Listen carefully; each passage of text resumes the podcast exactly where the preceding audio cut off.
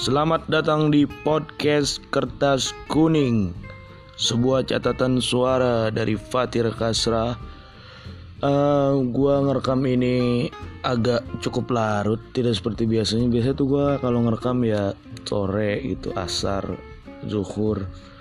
Karena besok saya harus Mungkin mengharuskan saya untuk tidak rekaman Jadi daripada saya tidak disiplin gitu.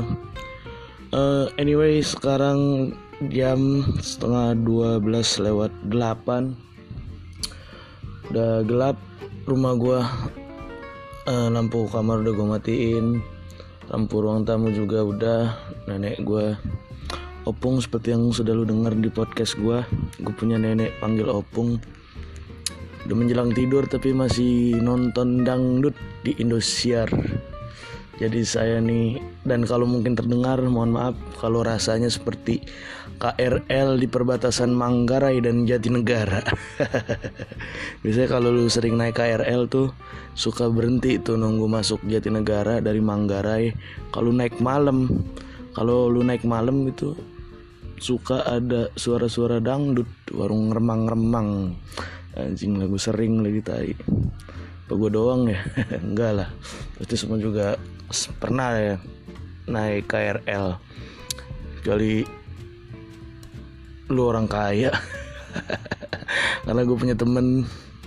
Anjing dia baru naik, naik KRL dua kali bangsat. Maksud gue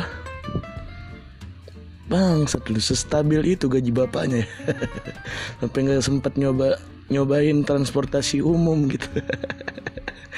Uh, anyway gue belum tahu pengen bahas apa gue rekam dulu. Um, uh, podcast gue ya udah lumayan lah alhamdulillah. Uh, gak tau kenapa ya ke di tag di encore mungkin sehari setelah penayangan itu muncul atau ketika ada episode baru kali ya jadi bisa kelihatan tuh. Uh, nggak tau lah gue uh, ya semoga ini bisa bertumbuh terus lah hmm, apa nah apa namanya. Kenapa bloopers jelek nih kalau didengar audio? uh, bertumbuh terus pendengar gua ya, jadi gua harap sih bisa punya tren yang positif. Uh, anyway, hari ini gue cukup hmm, seneng lah sih bisa dibilang. Ya ada cerita-cerita yang deg-degan juga.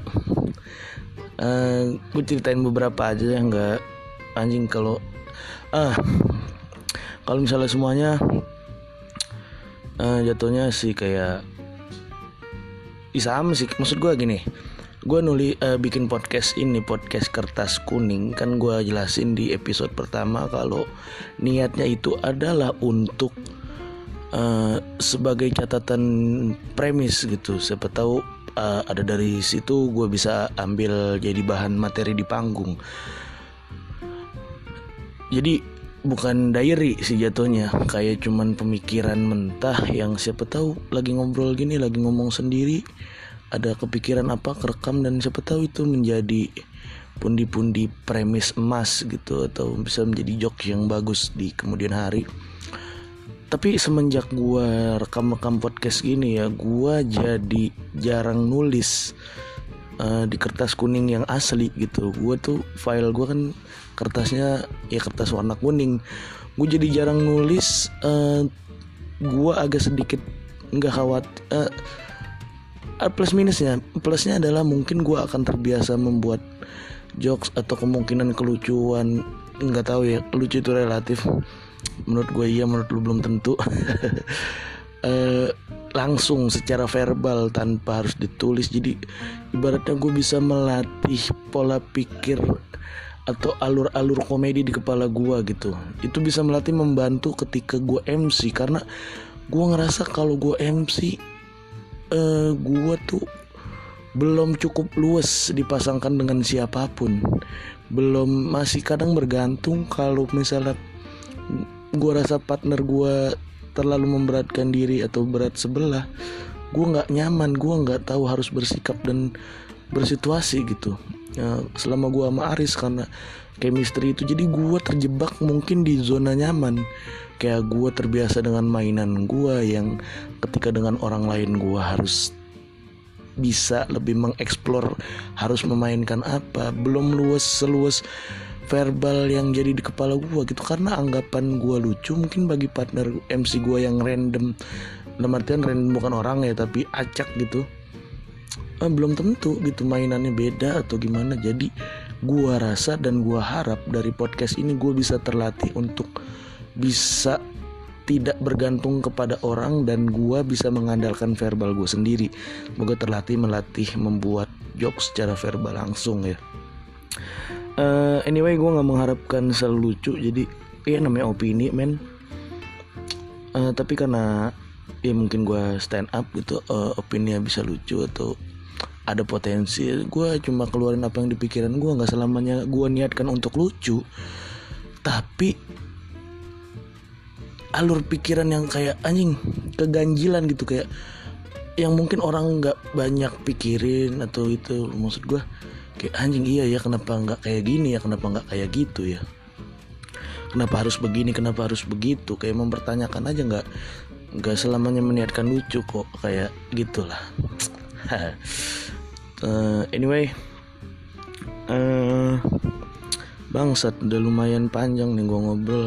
6 menit baru nggak apa-apa lah. Kita berjalan aja ya. Uh, hujan. Masih hujan. Eh, kayaknya gue ada pikiran tentang hujan tadi ya. Tapi apa gue lupa ya? Hmm, apa ya? Lupa gue jadinya nih gue kepikiran kan sempat gue bahas ke temen gue um, gak percaya hujan itu bisa membawa berkah. Hmm, Anyway sebenarnya gue pengen bahas jadi gini Gue tuh meniatkan diri untuk 5 episode awal adalah opini gue tanpa orang lain. Dan 5 episode selanjutnya baru gue menghadirkan narasumber Sebagai teman ngobrol gitu. Uh, Tapi pada akhirnya gue kehabis gue nggak sempet tuh tadi. Gue nggak sempet rekam uh, ada uh, kesibukan lain yang menjadikan gue nggak sempet rekam. Jadi gue lihat-lihat di draft gue yang ada ya cuman yang udah tersedia tuh yang ngobrol yang sama opung gitu. Jadi gue upload itu daripada kosong kan daripada gue tetap berpegang teguh pada idealis gue yang mana 1 sampai 5 harus opini gue yang mending gue upload aja dulu lah. Jadi seharusnya hari ini. Kayaknya gue denger opung gue ngomong tai. Lagi nonton sinetron kali. Suka gitu deh kalau ada sinetron yang perannya jahat. Uh, gini. Tadi sebenarnya gue pengen bahas tentang jadi uh, opung tuh nonton in, in silet kalau nggak salah ya uh, yang infotainment gitu. Ada berita bahwa ternyata tanggal berapa tuh tadi? 9 ya? 9 apa 8 9 mungkin ya? 9 Februari itu tepat ulang tahun almarhum Olga Syahputra. Gua nggak ada masalah. Gua bahkan ngefans gua idolain banget karena Olga Syahputra the one wah the best. Pokoknya orang yang paling lucu gue anggap selama ada di industri TV karena gue pun pengen jadi komedian. Gue tuh seneng bikin orang ketawa. Dan gue seneng dengan Olga membuat orang ketawa. Itu karena awalnya gue nonton Olga. Gue tuh dulu Facebooker lovers anjing. Kayak bangsat. Olga sama Opi Kumis tuh chemistry-nya tai banget. Kayak lu mungkin pernah lihat gitu. Yang misalnya tiba-tiba Olga ngambil kerudung Opi kumis ngambil kerudung. Anjing itu bangsat. Lucu banget. Kayak Olga lewat uh, misi pojumroh eh iya pomiin mau ke mana? Ini anak saya. Dia, biasanya uh, targetnya Sapri gitu kan. Uh, dah. Uh, po, misalnya pomiin siapa? Bangsat nggak ada atau gini dah nah situasinya ada opi kumis pakai kerudung ada Olga pakai kerudung. Ini tanpa sapri ya. Kalau tanpa kalau sama sapri itu biasanya tambah lucu bangsat. Jadi kayak apa aja di lucu banget bangsat. Ini berdua aja ya kayak gini misalnya. Olga namanya Po Jumroh uh, Opi namanya Po Jamila. Olga lewat eh Po Jamila? Eh, iya kenapa Po Jumroh ini emang belum tahu. Emang kenapa tuh pok mau nengokin Pak RT Pak RT sakit apa tuh? Kemarin katanya saya denger tiba-tiba nelen gayung. Mungkin kalau yang gue bawain tuh nggak lucu tapi anjing aduh chemistry yang paling oke okay lah menurut gue selama ada di stasiun TV tuh Olga Opi bangsat. Kayak diksi-diksi Opi sama Olga tuh maut bangsat kayak misalnya ada di catatan si Olga yang Jessica sakit terus Olga sama Opi Kumis adu bacot Opi Kumis jadi bapaknya Jessica. Olga nggak direstuin.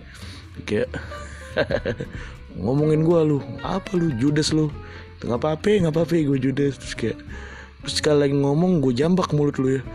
Terus kata Opi Kumis jambak mulut gue emang mulut gue konde Mbak Ayu gue nggak pernah tahu konde Mbak Ayu apa anjing.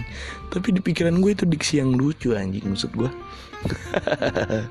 itu cukup lucu lah buat gue nah baik lagi Olga ulang tahun. Masih banyak menuai ucapan ulang tahun. Gue gak ada masalah. Tapi yang sama Olganya ya tapi yang jadi gue masalah permasalahin adalah kenapa sih orang meninggal masih dikasih ucapan selamat ulang tahun. Karena menurut gue itu adalah bentuk penghinaan bangsat. Kayak seolah-olah tuh lu ngomong ah mampu sudah bisa nambah lagi umurnya. Kalau lu ngucapin selamat ulang tahun untuk orang yang umurnya udah selesai itu kan anjing lu Lagian selamat ulang tahun adalah kan ketika lu mengulang tahun kelahiran lu. Sementara orang yang meninggal ya udah nggak bisa ngelakuin itu bangsat. Ya udah stop di situ. Kenapa harus diraya dirayain mungkin? Ya mungkin jadinya bentuknya kalau Islam syukuran atau dengan ngucapin itu tapi gue juga pernah sih gue tapi gue pikir-pikir lagi.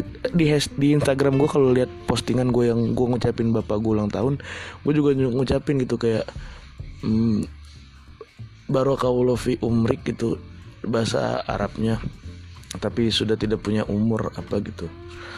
Intinya ya udah emang gak punya umur bangsat. Maksud gue gue nggak ada niatan sama sekali ngerendahin ya tapi kenapa masih dilakuin gitu atau kalau mau lu cuma ya memperingati hari kelahiran aja uh, si ini pernah lahir ibaratnya bahasanya ya jangan ulang tahun atau ya memperingati hari kelahiran secara tidak langsung kan memang istilah ulang tahun menunjukkan kalau itu adalah memperingati hari kelahiran ya.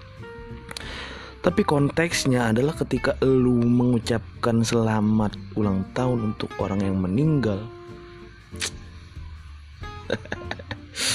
ya kesannya lu ngeledek anjing. menurut gua ya menurut gua. Uh, anyway, nggak ada masalah sih. Tapi ah nggak jangan deh. Agak ngeri eh. Oke kita lanjut. Next. Uh, Ya gue ngefans gitu sama Olga. Lucu lah. Lucu banget ya Gak ada yang bisa gantiin sih menurut gue Karena bebancian-bebancian gitu tuh mahal Yang emang natural dia apa adanya gitu. Kayak ah, Sejak Olga meninggal tuh muncul banyak bebancian loh.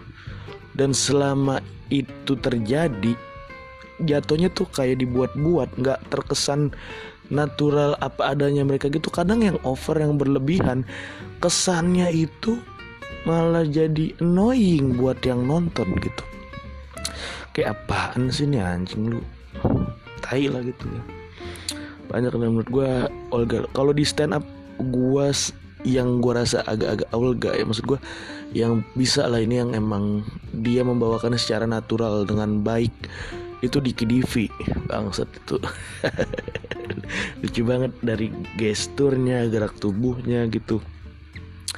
Lucu lah dia dari mimiknya emang menandakan bahwa dia ya seperti itu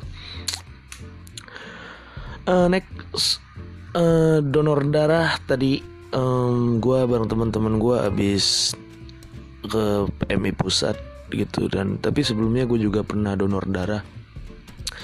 Yang menarik adalah di persyaratan di persyaratan donor darah itu ada banyak pertanyaan yang harus kita isi. Apakah kita melakukan itu dalam waktu dalam jangka waktu kemarin hari sebelum mendonor atau tidak.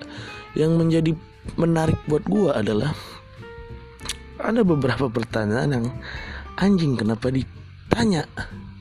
Dan maksud gua eh gini gua baca eh, gua bacain gua inget pertanyaannya. Mungkin kalau lu pernah donor darah atau bisa search mungkin ada di internet. I don't know but ada gitu kayak misalnya satu apakah dalam waktu dekat Anda pernah melakukan hubungan intim dengan sesama lelaki gitu? Lelaki dengan lelaki gitu maksud gue uh, oke okay lah mungkin dari sekian banyak pendonor ada kemungkinan yang gay gitu. Tapi untuk orang yang straight menjawab itu tuh kayak anjing kenapa ditanya bang? Sat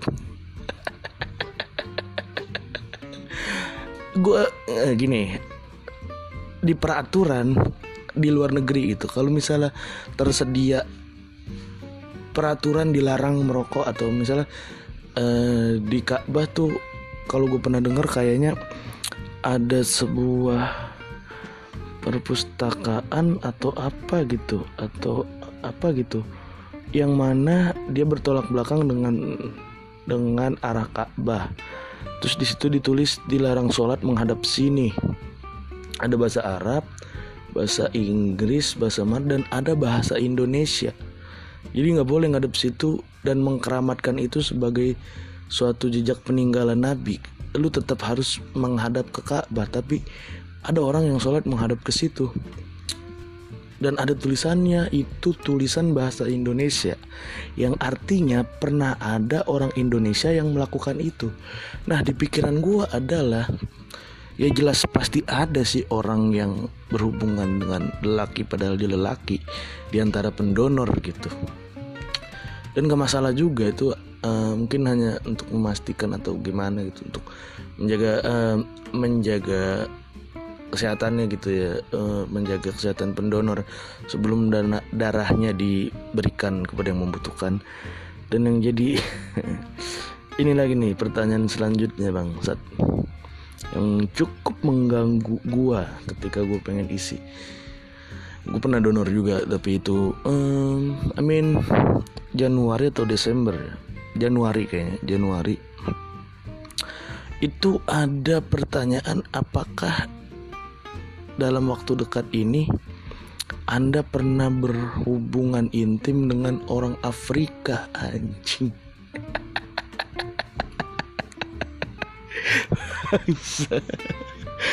Gue nggak ada sama sekali maksud menuduh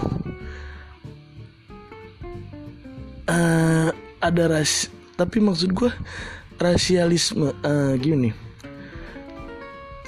Uh, oke okay lah uh, tanpa ada maksud dan niat untuk menjatuhkan ya kita tahu bahwa kebanyakan kehidupan di Afrika itu uh, katakanlah kotor ya bukan maksud merendahkan nih kayak maksudnya ya habitnya mereka ya emang terbiasa seperti itu gitu. Mungkin untuk memastikan si pasien terbebas dari dan terhindar dari hal-hal yang justru merugikan darah mereka untuk didonor gitu. Cuman pertanyaan gua Ya mungkin ada aja ya Tapi untuk orang Gue waktu itu donor di Bekasi di Bahkan Kabupaten Bekasi Di Cibitung mungkin ada aja sih tapi kemungkinannya untuk orang Tambun pernah berhubungan intim dengan orang Afrika. Ya jauh bangsat. Hei tolong dong. Gue bacanya ketawa anjing. Apakah dalam waktu dekat anda pernah berhubungan intim dengan orang Afrika anjing? Emang kenapa tai Terus gue kenapa dipertanyakan? Ya berarti itu kan mungkin kalau kita mengacu pada peraturan tadi ada orang yang pernah mau donor tapi dia terhalang karena pernah berhubungan intim dengan orang Afrika. Artinya gara-gara kelakuan lu. Gue jadi ditanya juga bangsat anjing lah. Lu tai lah. Lu menumbalkan perilaku lu ke orang-orang selanjut lu setelah lu. Tapi gue nggak tahu ya indikator untuk pertanyaan itu tuh dihitung dari apa? Apakah pernah apakah sesuai dengan peraturan yang tadi gue sebutkan? Sama kayak pertanyaan itu muncul karena pernah ada orang yang melakukan supaya lebih memastikan lagi tidak terjadi atau memang untuk indikatornya itu ya ada kesehatan kesehatannya gitu yang memang kayaknya kalau ini lebih rentan kalau misalnya pernah kayak gini lebih rentan gitu. Nggak tahu juga ya indikatornya. Ya namanya juga opini tapi kemungkinan kayak gitu. Eh lagian nggak semua orang Afrika kali kotor. Maksud gue bangsat lu sama aja pukul rata anjing gitu kayak berhubungan intim dengan orang Afrika adalah hal yang haram bagi pendonor. Nggak semuanya kotor bangsat. Ada yang ya bersih menjaga diri mereka. Itu juga bentuk rasialis gimana kalau ada orang Afrika yang baca ya? Apakah anda pernah berhubungan intim dengan orang Afrika? Ilah bangsat Gue sekeluarga orang Afrika anjing.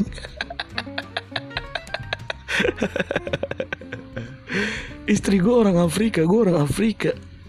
Anak-anak gue adalah hasil daripada hubungan intim dengan orang Afrika. Terus kenapa gue Gak boleh donor?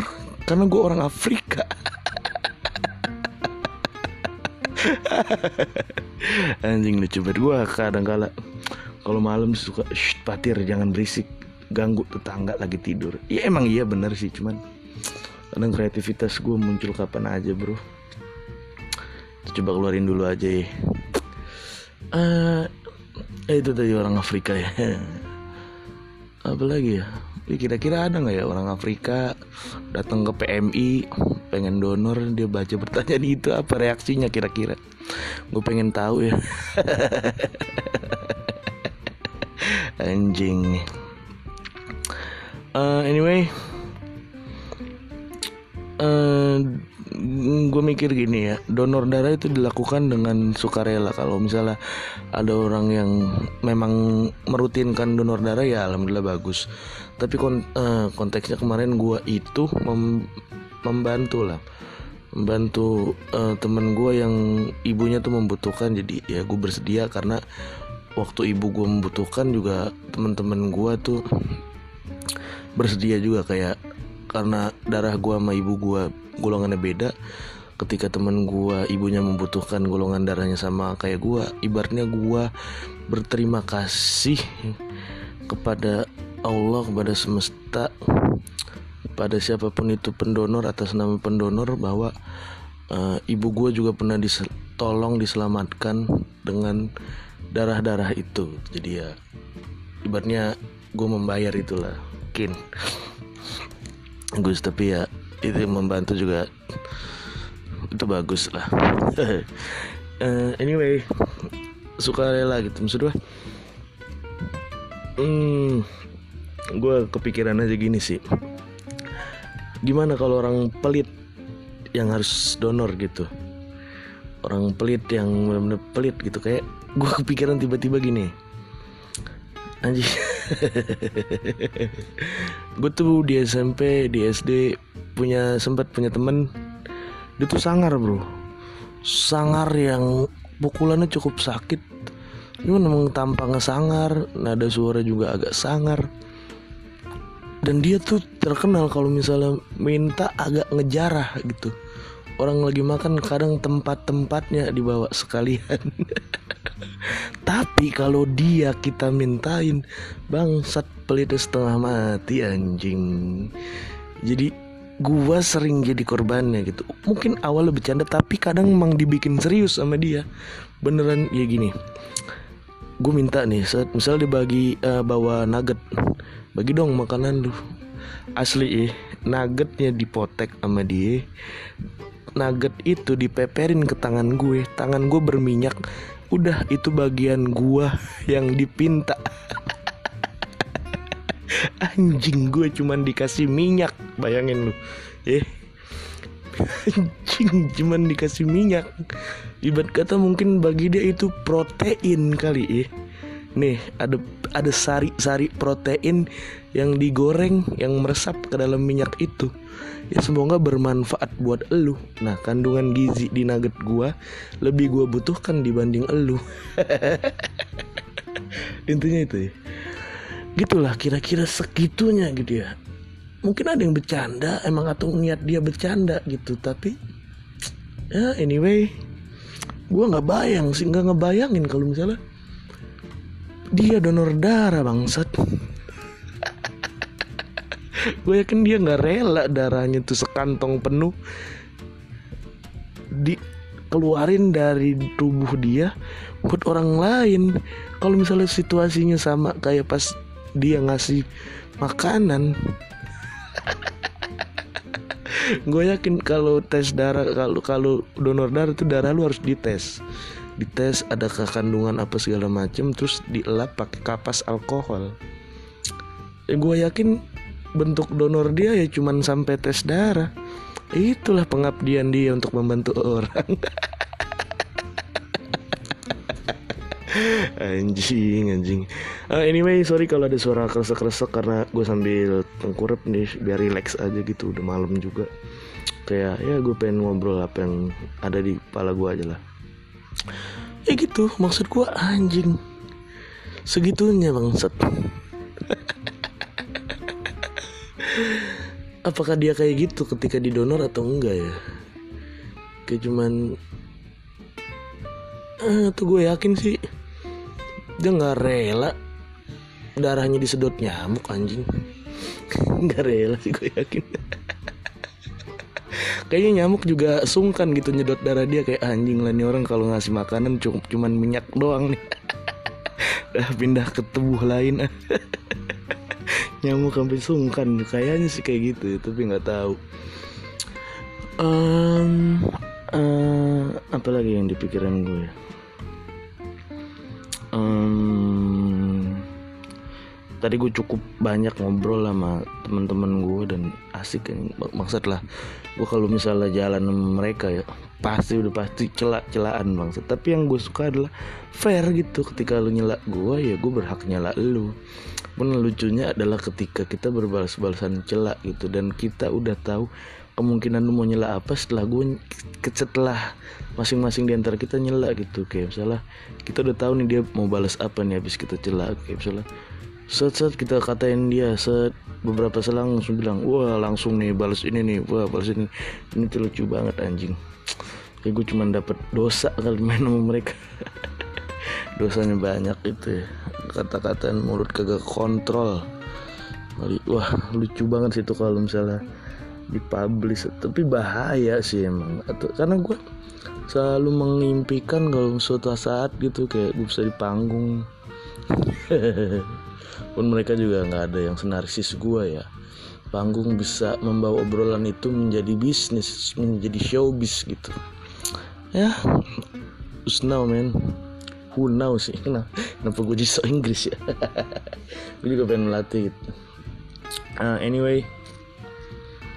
Gue tadi ngobrol apa aja ya tentang banyak lah insight-insight dari kalau pengen gue panjangin keburu nggak ya? Baterai gue tinggal 10 nih lumayan panjang sih. Atau lain kesempatan aja nanti ya uh, eh, gue bahas ini aja lah. Sedikit poin. Kayak hmm, tentang hidup pilihan dan penyesalan gitu. Kayak misalnya tadi ada obrolan yang ke arah sana. Kayak misalnya penyesalan tuh selalu datang di hidup lo dan rasa sakit nggak bisa dihindari dari hidup lo uh, iya iya lu nggak bisa menghindar men kayak fuck lah gitu lu. Makanya tai lah toxic positivity kayak kamu nggak apa-apa kamu kuat. Anjing enggak men. Manusia juga butuh lemah bangsat. Ya kalau kuat Hadera ya gue yakin kalau cerai juga nangis anjing. Harus bayar pengacara. Kalau kalah hak asuh anak. Gue nggak tahu Hadera udah nikah atau belum ya tapi siapa dah Deddy Corbuzier juga. Dia pakai tank top gym podcastnya punya image yang baik. Pasti dia punya masalah hidup yang kita nggak tahu. Orang-orang kuat. The Rock Dwayne Johnson juga. Pasti nangis lah kalau punya masalah. Pasti pernah pernah perthinking mungkin. Atau pernah takut pernah terlilit hutang kita kita manusia wajar ngerasain sakit tuh di dunia ini wajar maksud gue iya lu nggak usah karena gini gue juga nanti mungkin di lain kesempatan akan lebih panjang tapi kayak intisari yang gue pikirin. Tapi nggak sepenuhnya ini. Gue mikir gini. Uh, pikiran positif atau kalimat positif itu adalah produk untuk menenangkan diri lu doang gitu. Tanpa kayak ibaratnya lu lari lah mungkin jatuhnya ya lari dari kenyataan yang harusnya lu terima. Kayak misalnya hmm, lu menggak papain gitu kayak oh nggak apa-apa it's okay it's okay. It's not okay bangsat. Masalah kadang-kala emang harus ada sesuatu yang kita sadar memang tidak lagi tidak apa-apa sedang tidak tidak sedang tidak apa-apa dan dengan kita tahu kita sedang tidak apa-apa kita bisa jadi memperbaikinya. Itu kan masalah yang sebenarnya harus kita perbaiki gitu kan. Intinya gitu hidup dengan uh, hidup pilihan dan penyesalan. Intinya kayaknya ya setiap pilihan yang kita ambil kita kan ibaratnya ini opportunity opportunity cost. Gue nonton videonya Raditya Dika tentang opportunity cost. Jadi ada sesuatu yang kita beratkan dan ada dua pilihan dan kita berat kepada suatu pilihan dan pilihan lain kita tinggalkan gitu.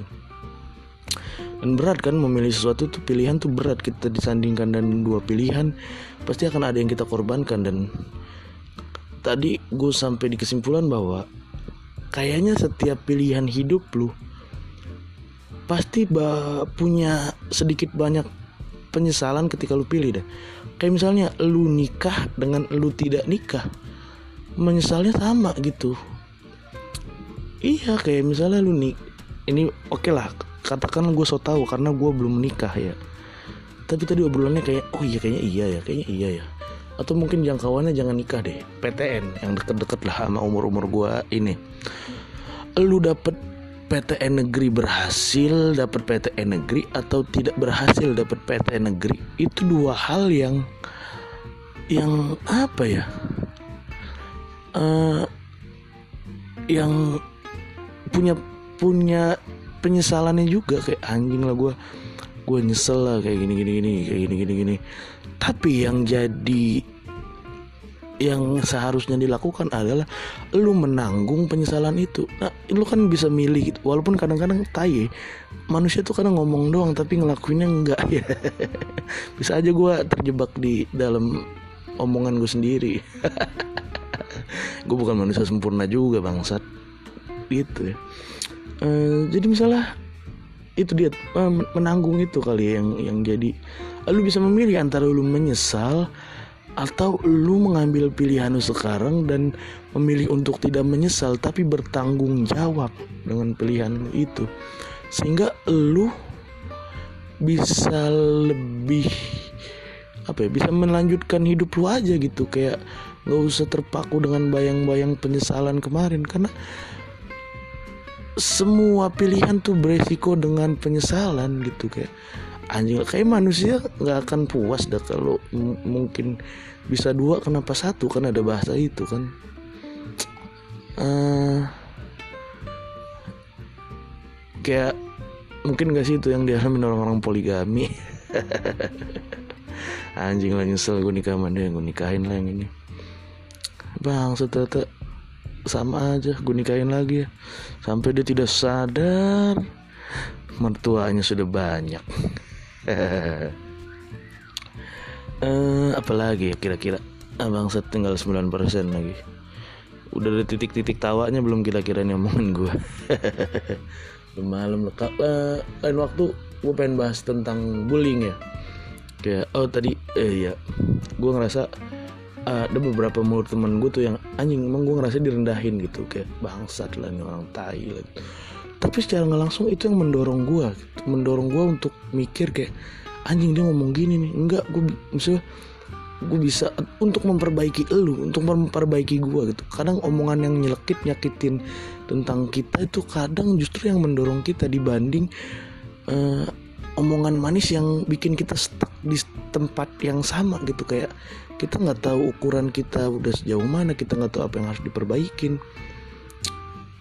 Mungkin terasa tidak nyaman karena ketika orang mengkritik kita kayak seolah-olah uh, kita tuh merasa bahwa anjing lah udah tahu kayak gitu kenapa lu omongin? Gitu. Kayak misalnya uh, ini jadi panjang bahasannya tai.